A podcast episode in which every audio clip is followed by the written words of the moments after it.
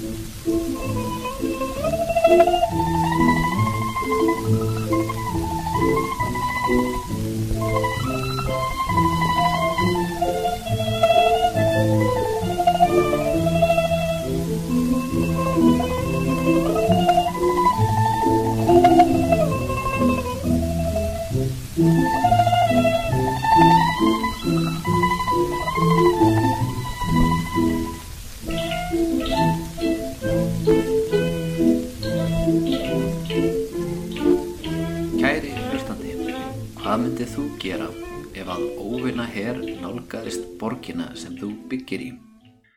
Veist að ef þú flýrð ekki þá myndu missa höfuðið, svo að sjálfsögðu ákveðu þú að flýja.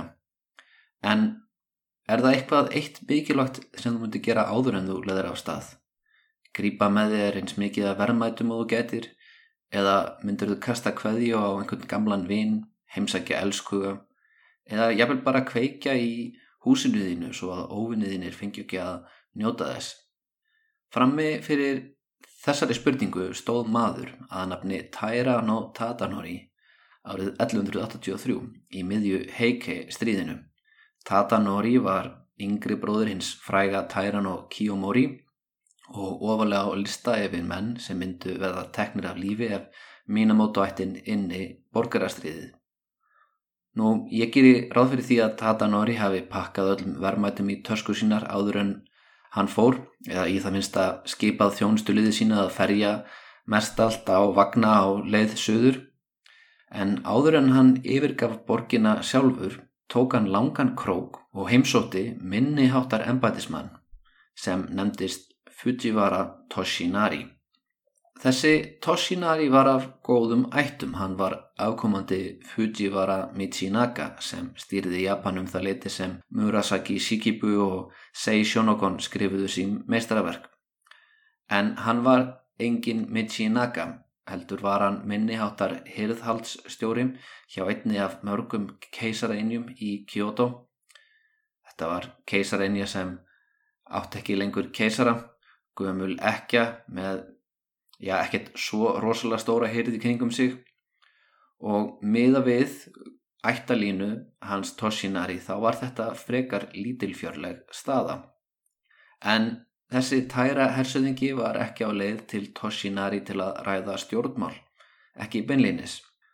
Nú erum við búin að ræða heikestriðið í þó nokkuð mörgum þáttum fyrir alveg þó nokkuð síðan meiri sér en ég ætla að leifa mér að draga upp ákveðna mynd úr þessu stríði.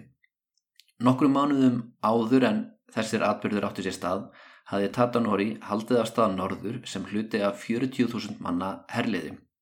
Markmiðið var hann á tökum á uppreist Minamoto ættbálksins, sérilagi hafa upp á útlægunum Minamoto no Yoshinaka. Frændi þessa Yoshinaka, hann Yoritomo, er maður sem síðar verður sjókun og veldur tæra ættinni á þessu augnabliki ekki eins miklum áhugjum þar sem hann er stattur í Kamakura og langt frá uh, Kyoto og alls ekki á förum þaðan í bráð. En þessi Yoshinaka sem uh, á ekki eftir að verða sjókun síðan mér, nú hann er búin að vera talsett árasagjarnari, mun hættulegri og það er mun líklega á þessu augnabliki að það verði hann sem á endanum sigri tæraættin á saminni Japan Þessi herrferð, hún átt að gera út af við Yoshinaka. Hann var endar sjálfur ekki meðnum að um 5.000 manna herlið og í fyrstu virtist allt ætla að ganga upp fyrir tæra ættina. Tæra herliðið held sífælt lengra norður inn á yfiráðasvæði Yoshinaka, allt þar til það komað fjallaskarðinu Kurikara. Og þar á einn frægasta úrasta heikestriðisins sér stað og svo litil yfirsjón hjá mér á sínum tíma hafi ekki fjallað um hana en nú er ég að vísa bætu upp fyrir það. Í þessar úrstu síndi Yoshinaka fram á hversu snjall herfóringjan var, já snjall eins og svo margir aðrir Minamoto herfóringjar.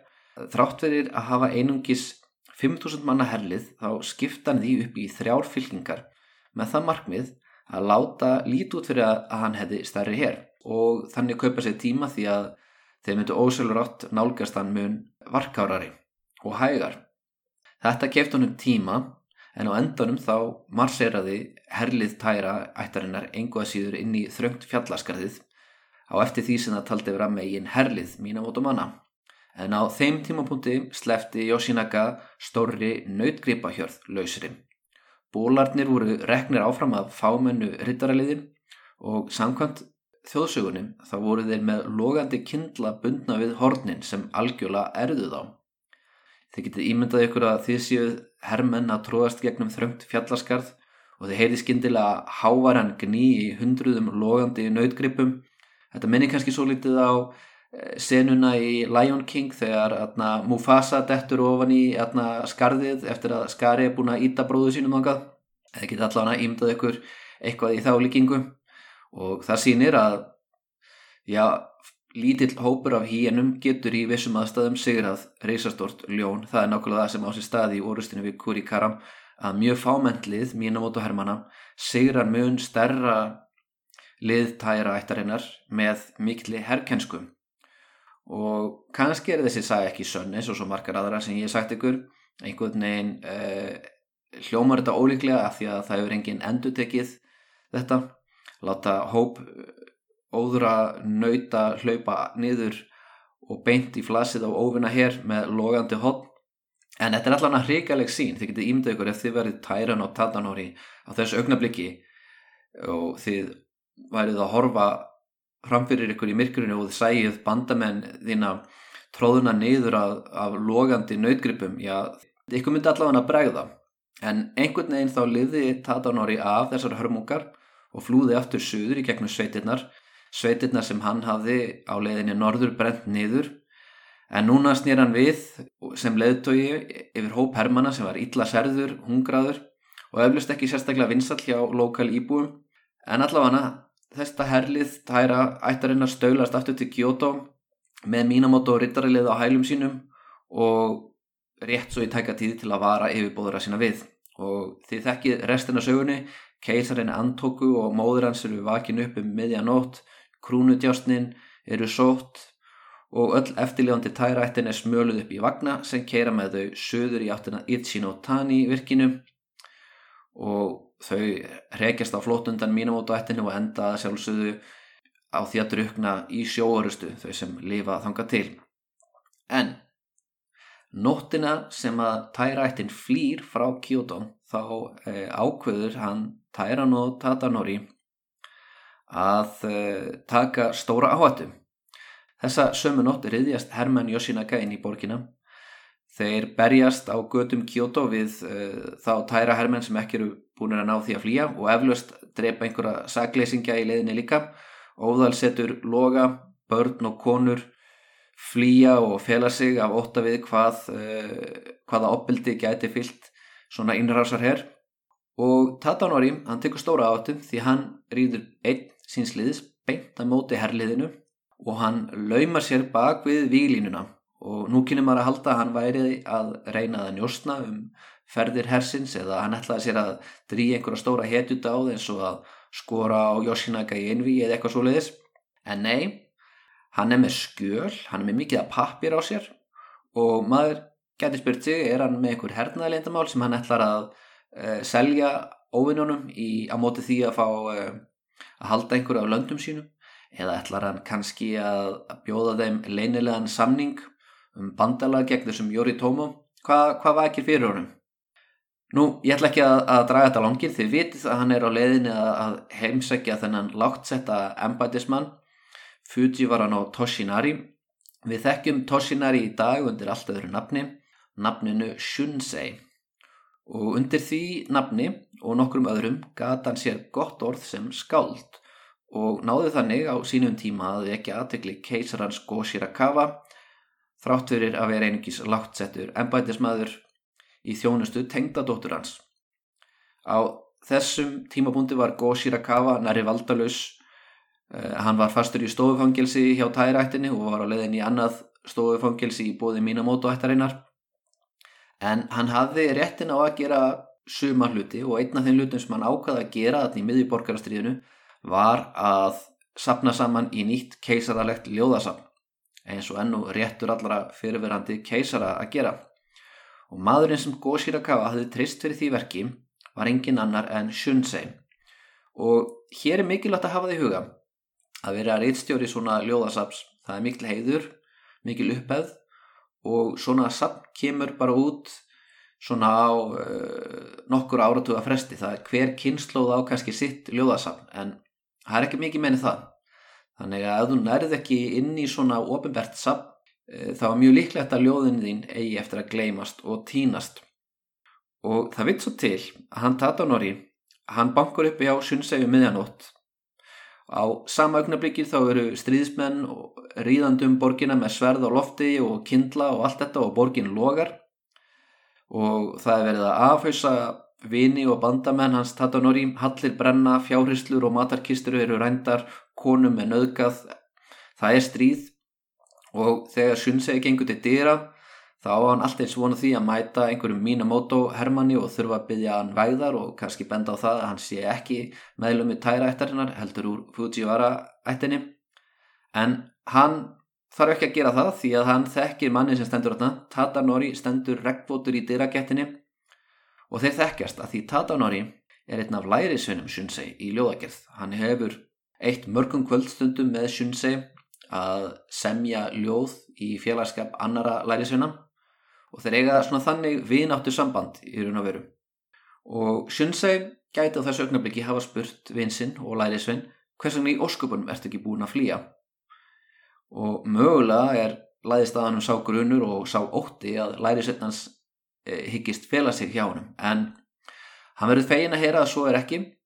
Það sem Tatanori vill er að Shunsei taki við skjölunum hans. Hann vill að hann taki við bladabunkunum því að þau innihalda ljóð og það sem Tatanori gerir er að hann fer á hnið og hann grátt byður Shunsei um það að leifa einhverjum af ljóðum hans að komast inn í ljóðasafnið. Nú, hversu lengið er Shunsei og Tatanori töluði saman er ekki víst.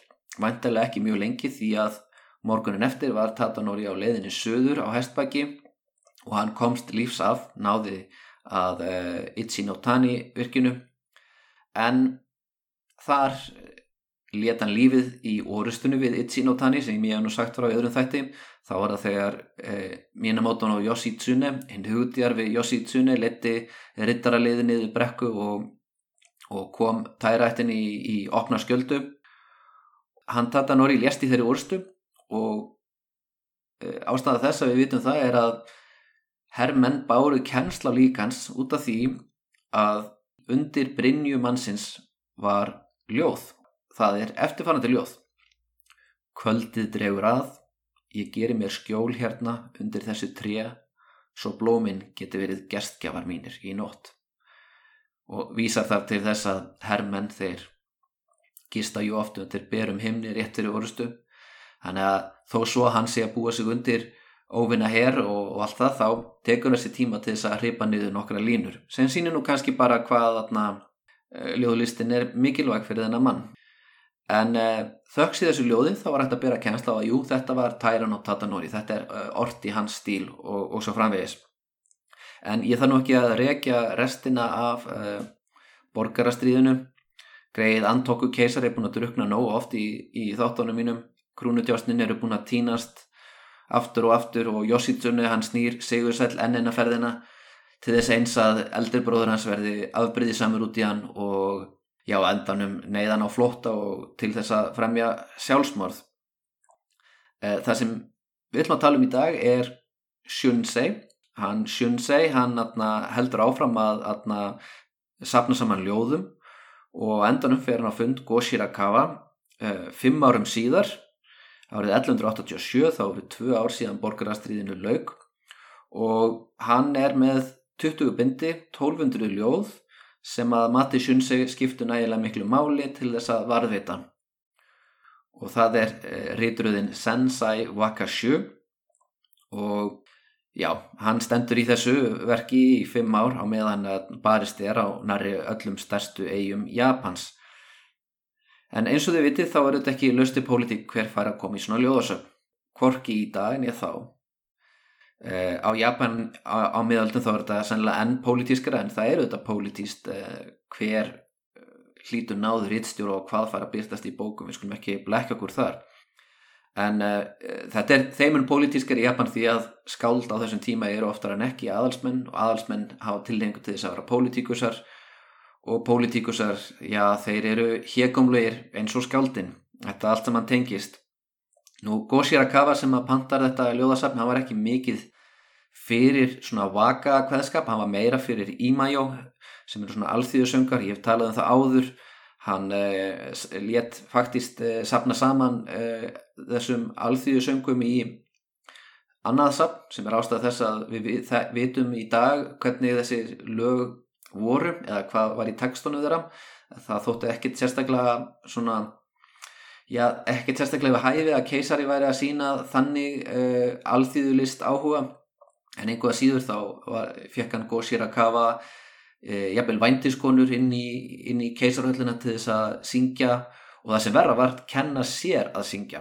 En af einhverjum ástæðum þá ákveðan að taka saman ljóðarsafn með vaka ljóðum í miðri borgarastiljöldinni og það er sennilega til þess að minna á hlutverk keisarættarinnar og já svona minna á uh, bara heian tíman þegar atna, sem var gullöld vaka ljóðlistarinnar og uh, fyrsta forverðar hans gerðu þetta allir saman.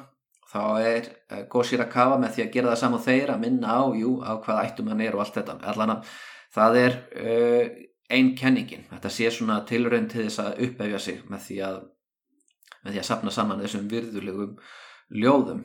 Og hann synsegi hann velur alls konar ljóð.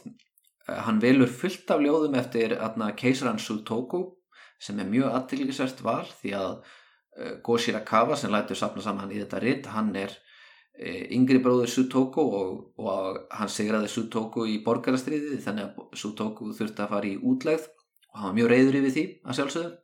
En einhvað síður Sutoku fær fullt að ljóðum inn í þetta ljóðasap og síðan er það munkurinn Saikyo sem var flökkuskald þetta er fyrsta sinn sem að Saikyo byrtist í ofinberu riti og þetta rit er mjög stór ástæða þess að við vitum eitthvað um þennan Saikyo karakter þennan flökkumung sem fór um allt í, í Japan og ortum það sem hann sá.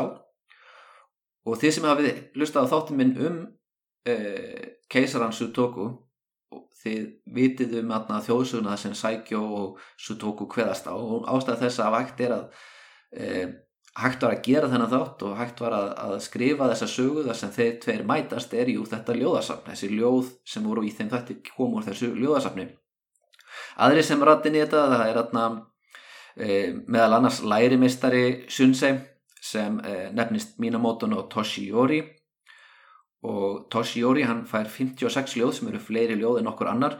Og maður ætti ekki að vera hiss á því að hann Sunsei velji e, að setja svona mörg ljóð eftir mann sem er jú lærimistari hans.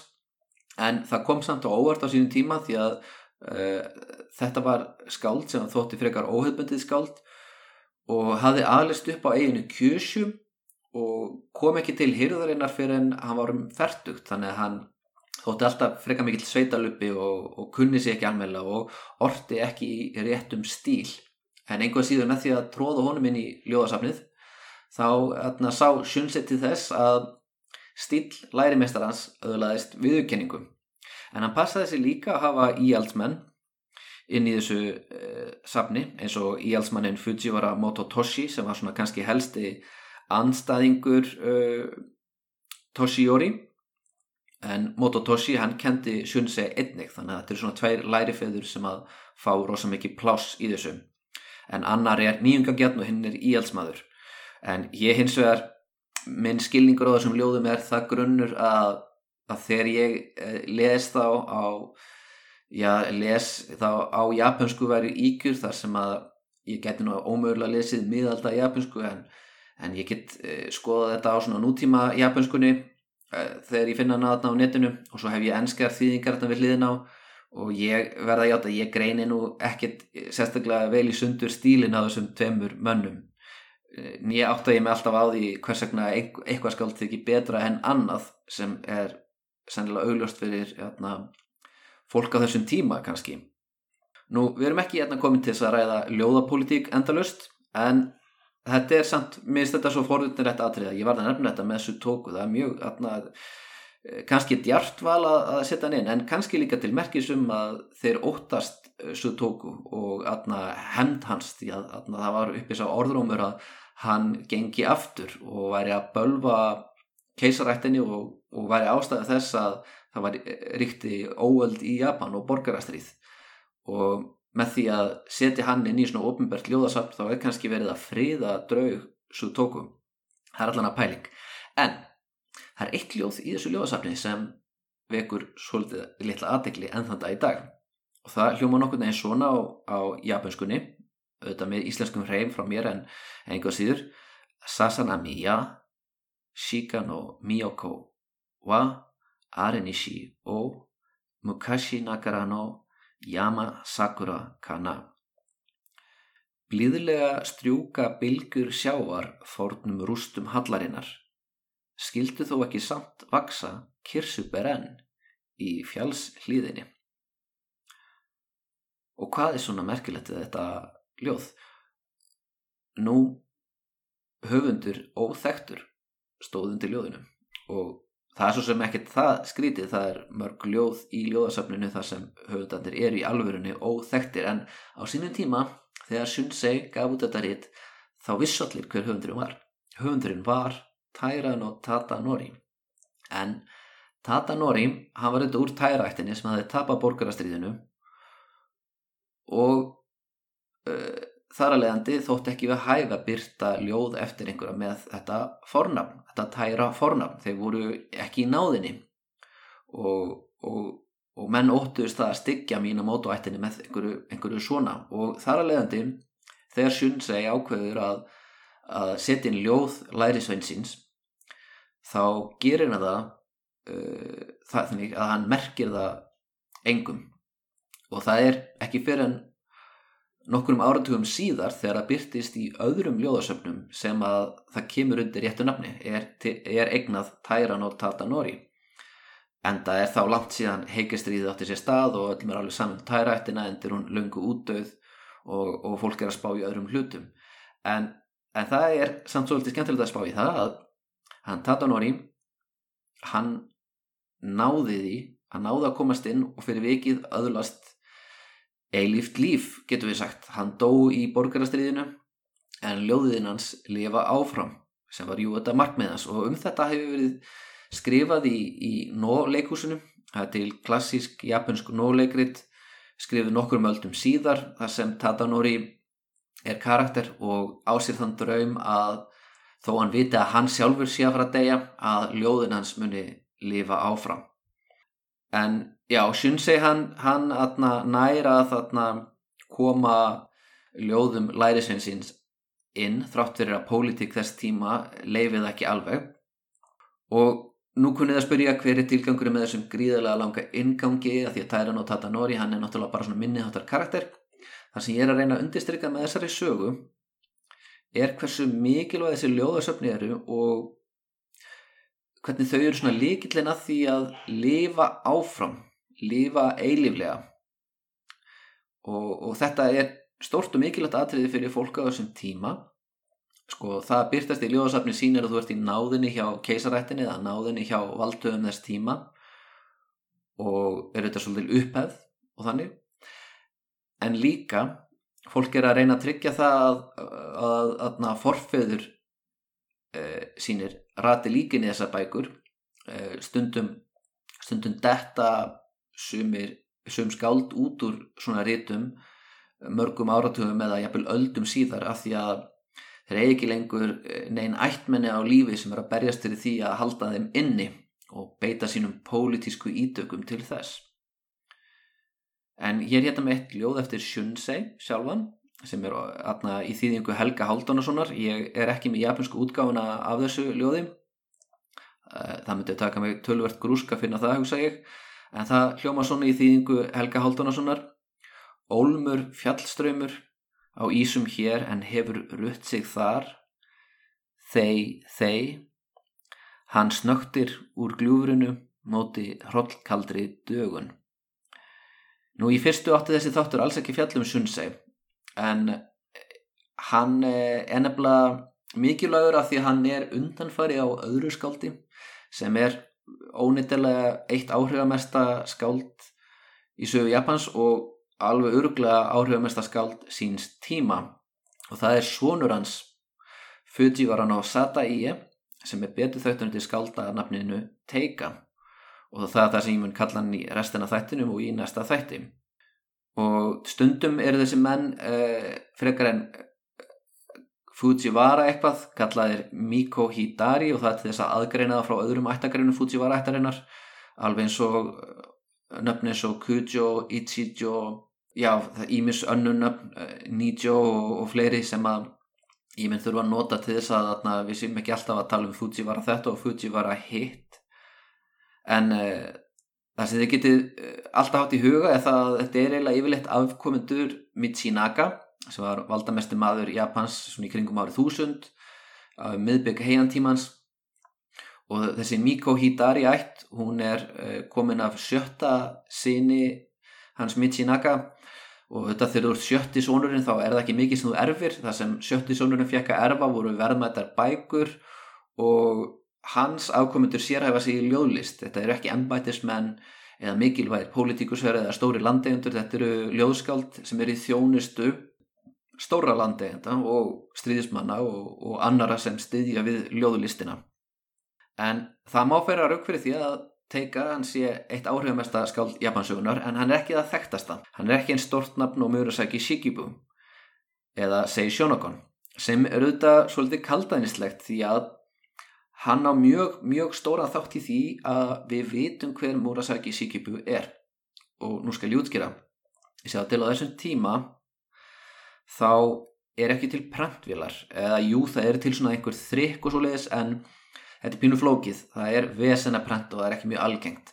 Flestar bækur sem eru í dreifingu á þessum tíma eru handskrifaðar og það er ofta á tíðum þannig að, að fólk eignast bækur með því að fá það lánaðar og síðan handskrifa það sjálft eða fær þjóna sína til að handskrifa það fyrir sig og fjölfaldar bókina þannig og, og skilar henni svo.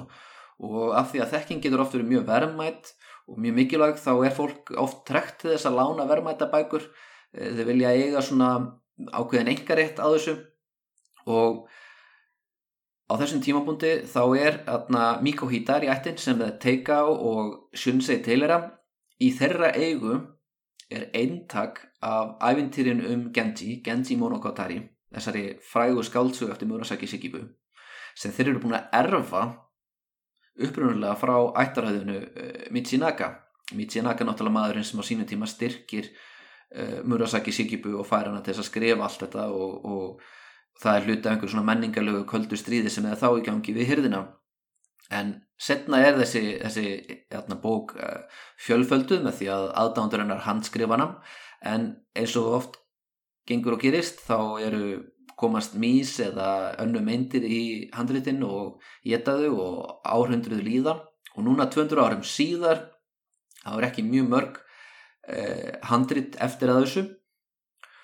Og í raun og veru þá reykju við aðna eh, eh, æfintriðin Genji eh, til þessa tíma að því að það eru tvö megin handrit sem aðna nútíma útgáðan byggir á. Þar að segja ein er í eigu Minamoto Chikayuki sem er eintar fjarskildur frændi Yoritomo en eh, er samt svona náðungi sem er ekki samuræði, hann er svona skáld líka.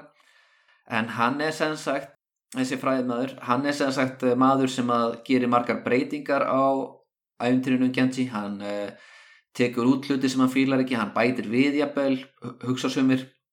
Á meðan fólk telur að Fujiwara no Teika sem atna, hann skrifar elsta handritið af Genji Monogatari.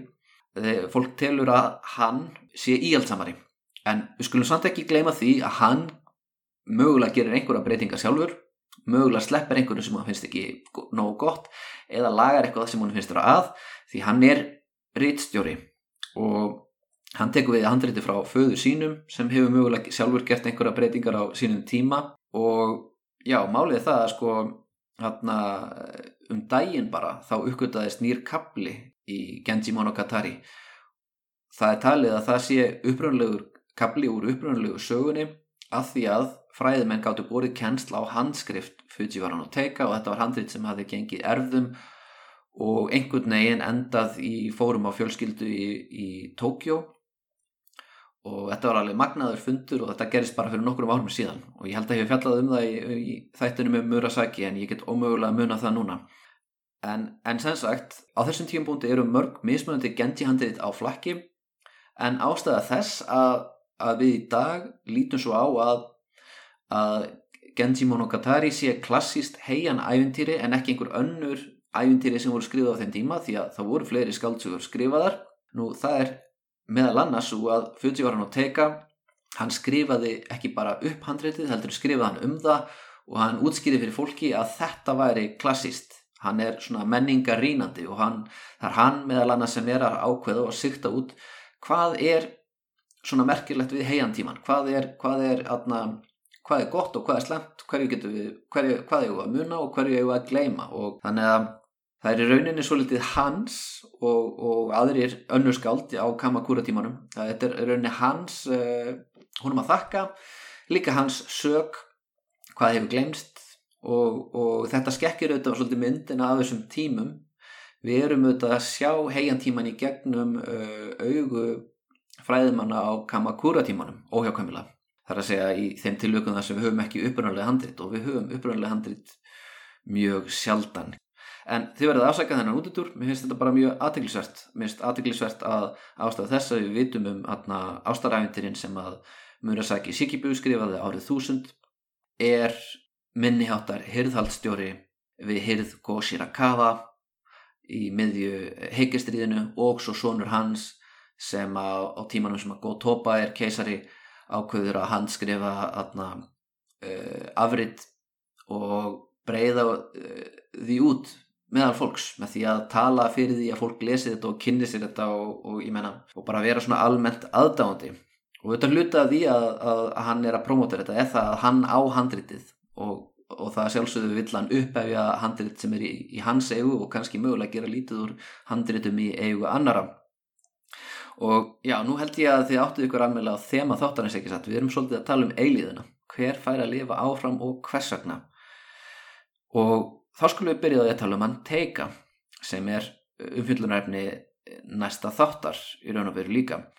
Hann teika, hann fæðist árið 1162 og það er svona í rauninu upp af þess tímabils þegar Tæra-ættin byrjar að stýra Japan á einhverju alvöru og hann er í kringum tvítugt þegar borgarastriðið, heikaistriðið brýst út.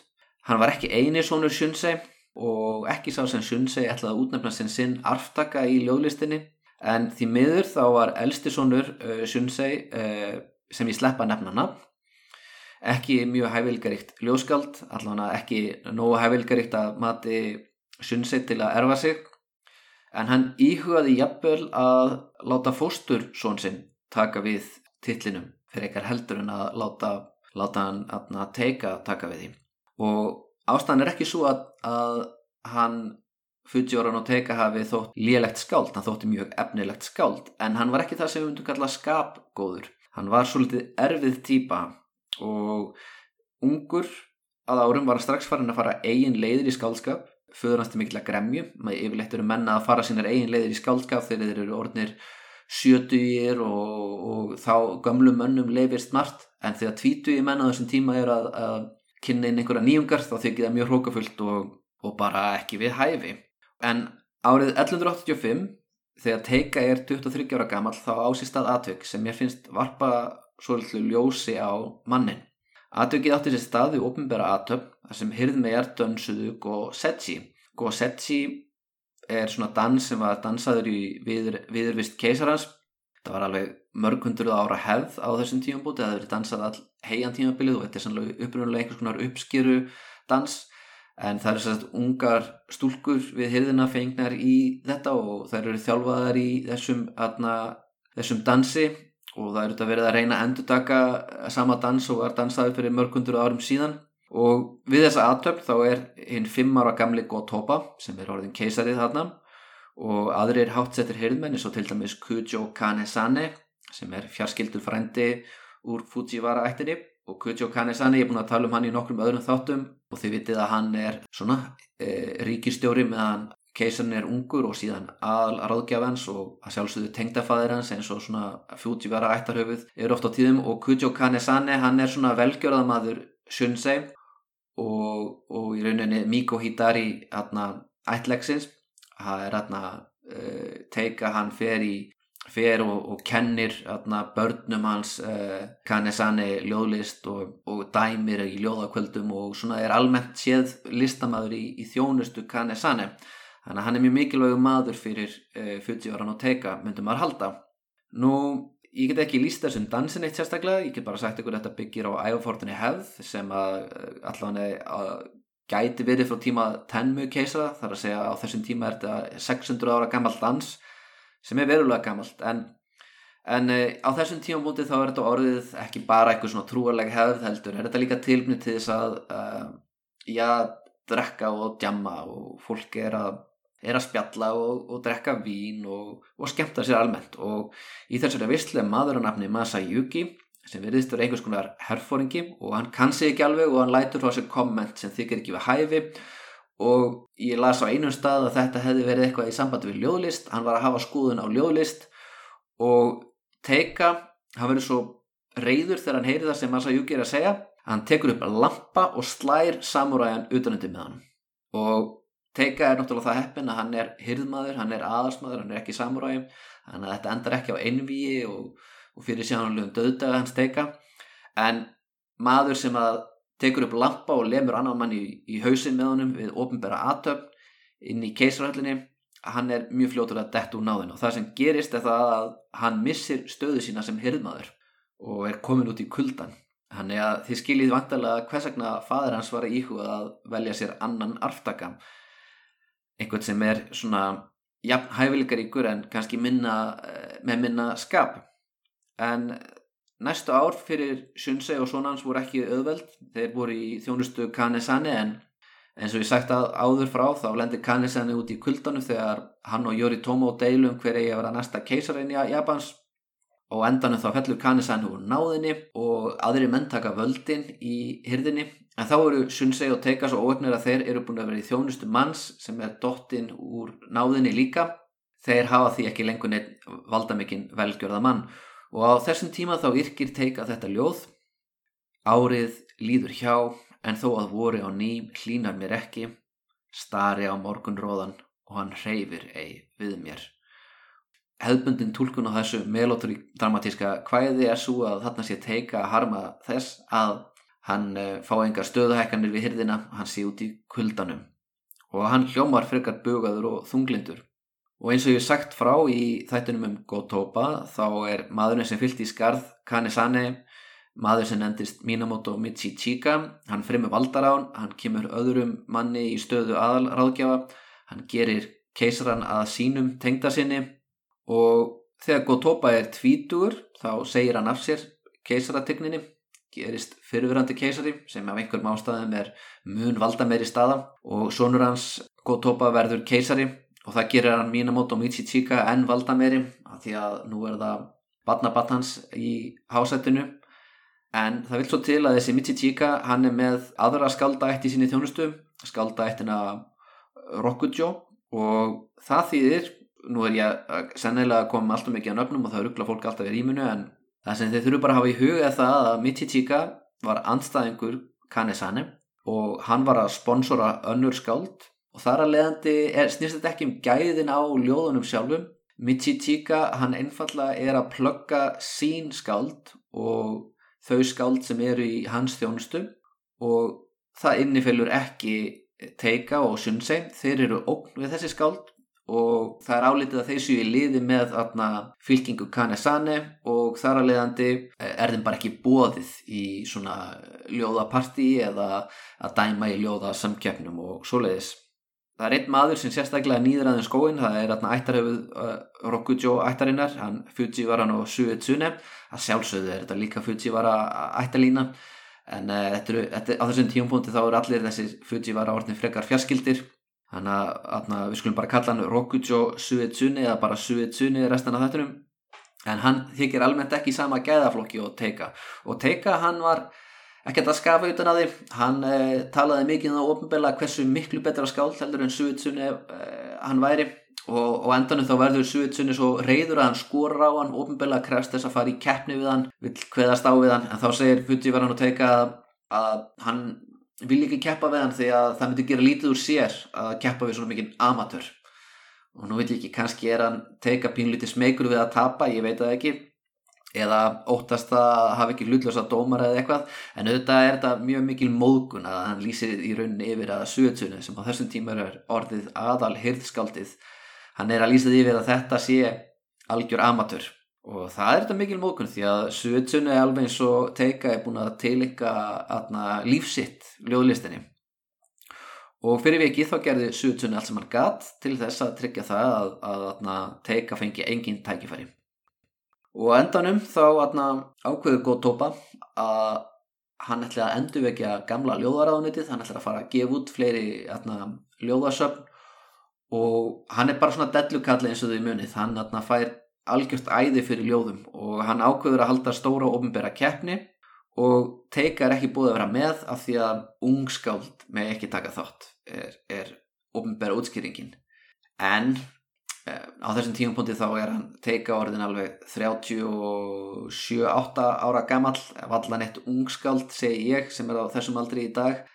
Eh, málið er auðvitað það að Suðsunu vil bara ekki taka sjensin á því að, að, að teika geti unnið keppnina með því að laumin nafnlausu ljóði uh, fá mikið hrós og síðan þegar kemur ljós hverja væri höfundur þess uh, að hann myndi komast inn í náðina.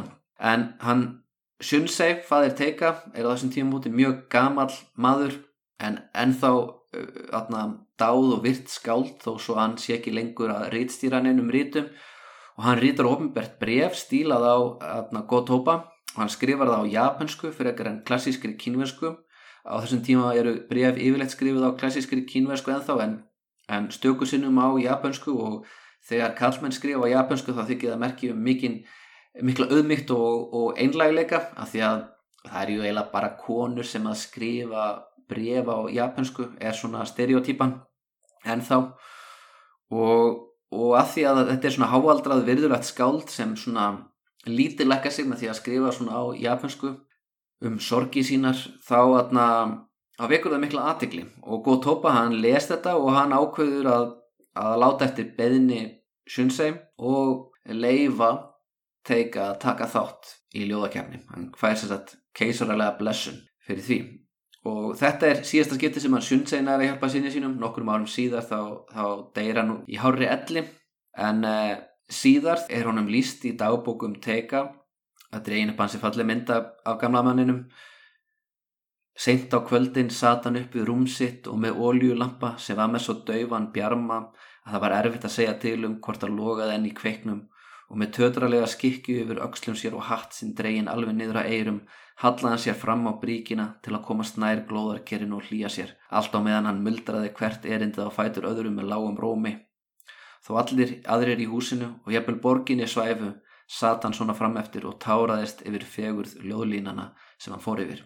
Og þetta er sem sagt lýsing á því þegar hann uh, eh, Sunsei er að lesa yfir gömul ljóð langt fram eftir fram á nóttu við, er að segja, rúmbríkina hjá sér og atna, tárast yfir fegurðinni meðan hann er að velja út já, bestu ljóð sinnar kynnslóðar en við látum þetta dögu fyrir hann Sunsei og Í næsta þætti þá ætlum við að fjalla meirum hann teika og hérna hirðpolítíkina yfir hirðhans góð tópa og veltaði aðeins fyrir okkur hvers vegna sum ljóð fá að lifa og önnur gleymast en við endum þáttina sjálfsögðu á ljóði eftir teika það er Wakurabani Tovareshi Hitomo Mukashi Nite Soriyori Niwa no Atowa Tainiki Í þessum gardi sjást engin merki þess að einhver tíman hafa hann verið heimsóttur.